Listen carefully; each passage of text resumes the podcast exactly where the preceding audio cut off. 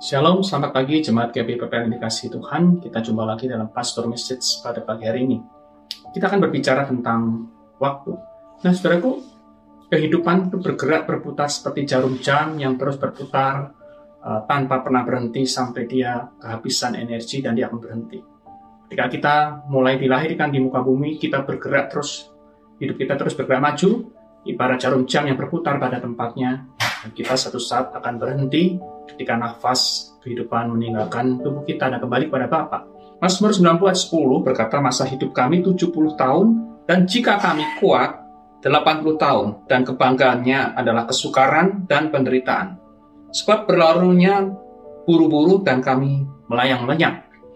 Efesus 5 15 berkata karena itu perhatikanlah dengan seksama bagaimana kamu hidup Janganlah seperti orang bebal, tetapi seperti orang arif dan pergunakanlah waktu yang ada karena hari-hari ini adalah jahat. Sebab itu, janganlah kamu bodoh, tapi usahakanlah supaya kamu mengerti kehendak Allah.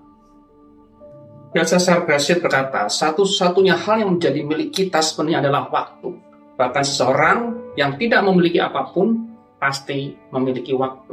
Nah, saudaraku, waktu yang terus bergerak dan berlalu dengan cepat kita hidup di dalamnya, waktu adalah sesuatu yang sangat berharga. Dikatakan seseorang sekalipun dia tidak memiliki apa pun, semiskin-miskinnya orang, dia pasti memiliki waktu.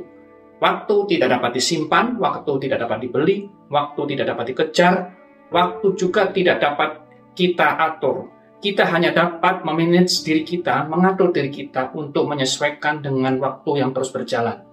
Kita hidup di dunia ini kita bisa mengontrol tempat, kita bisa mengontrol ruang dan mengatur sedemikian rupa, tapi sesatinya kita tidak dapat mengatur waktu.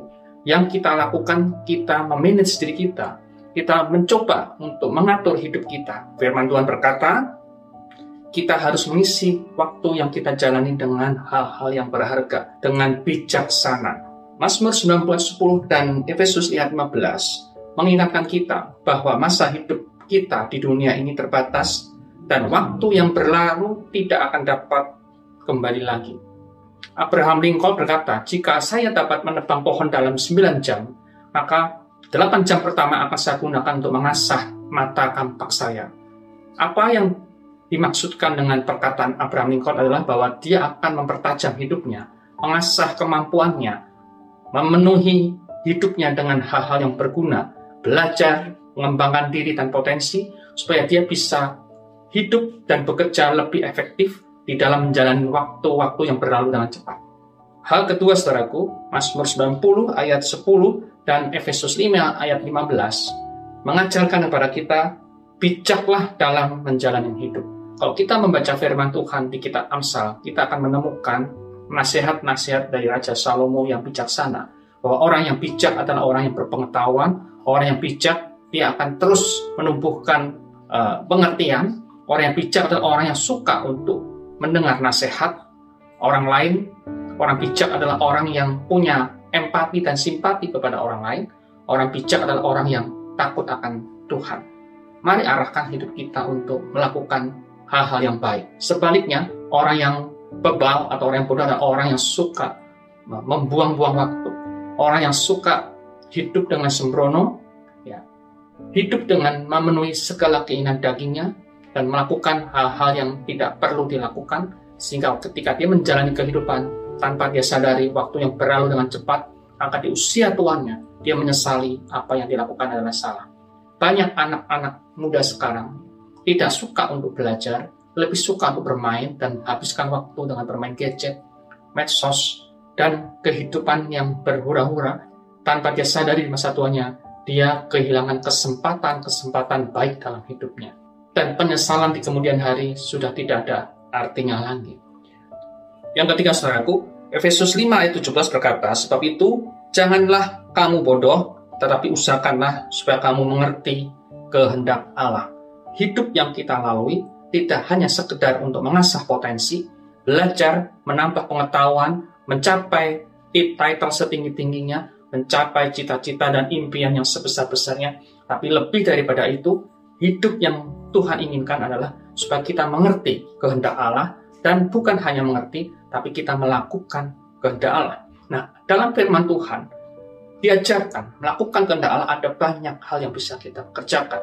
Yang pertama, bahwa sebagai murid Kristus, kita diwajibkan Tuhan untuk menjangkau jiwa, melakukan amanat agung Tuhan, mengerti dan melakukan kehendak Allah adalah hidup dalam kebenaran dan kekudusan. Dunia sudah kehilangan kasih dan kepedulian kepada sesama manusia, tapi kita anak-anak Tuhan, kita adalah orang-orang yang harus mengisi waktu kita dengan mengerti dan melakukan kehendak Tuhan. Kita punya belas kasihan, kita berbagi hidup, menabur dengan kasih, menolong orang-orang yang membutuhkan pertolongan, mendoakan, menguatkan mereka, memberitakan Injil kebenaran Kristus, membawa orang yang dalam kegelapan masuk dalam terang yang ajaib.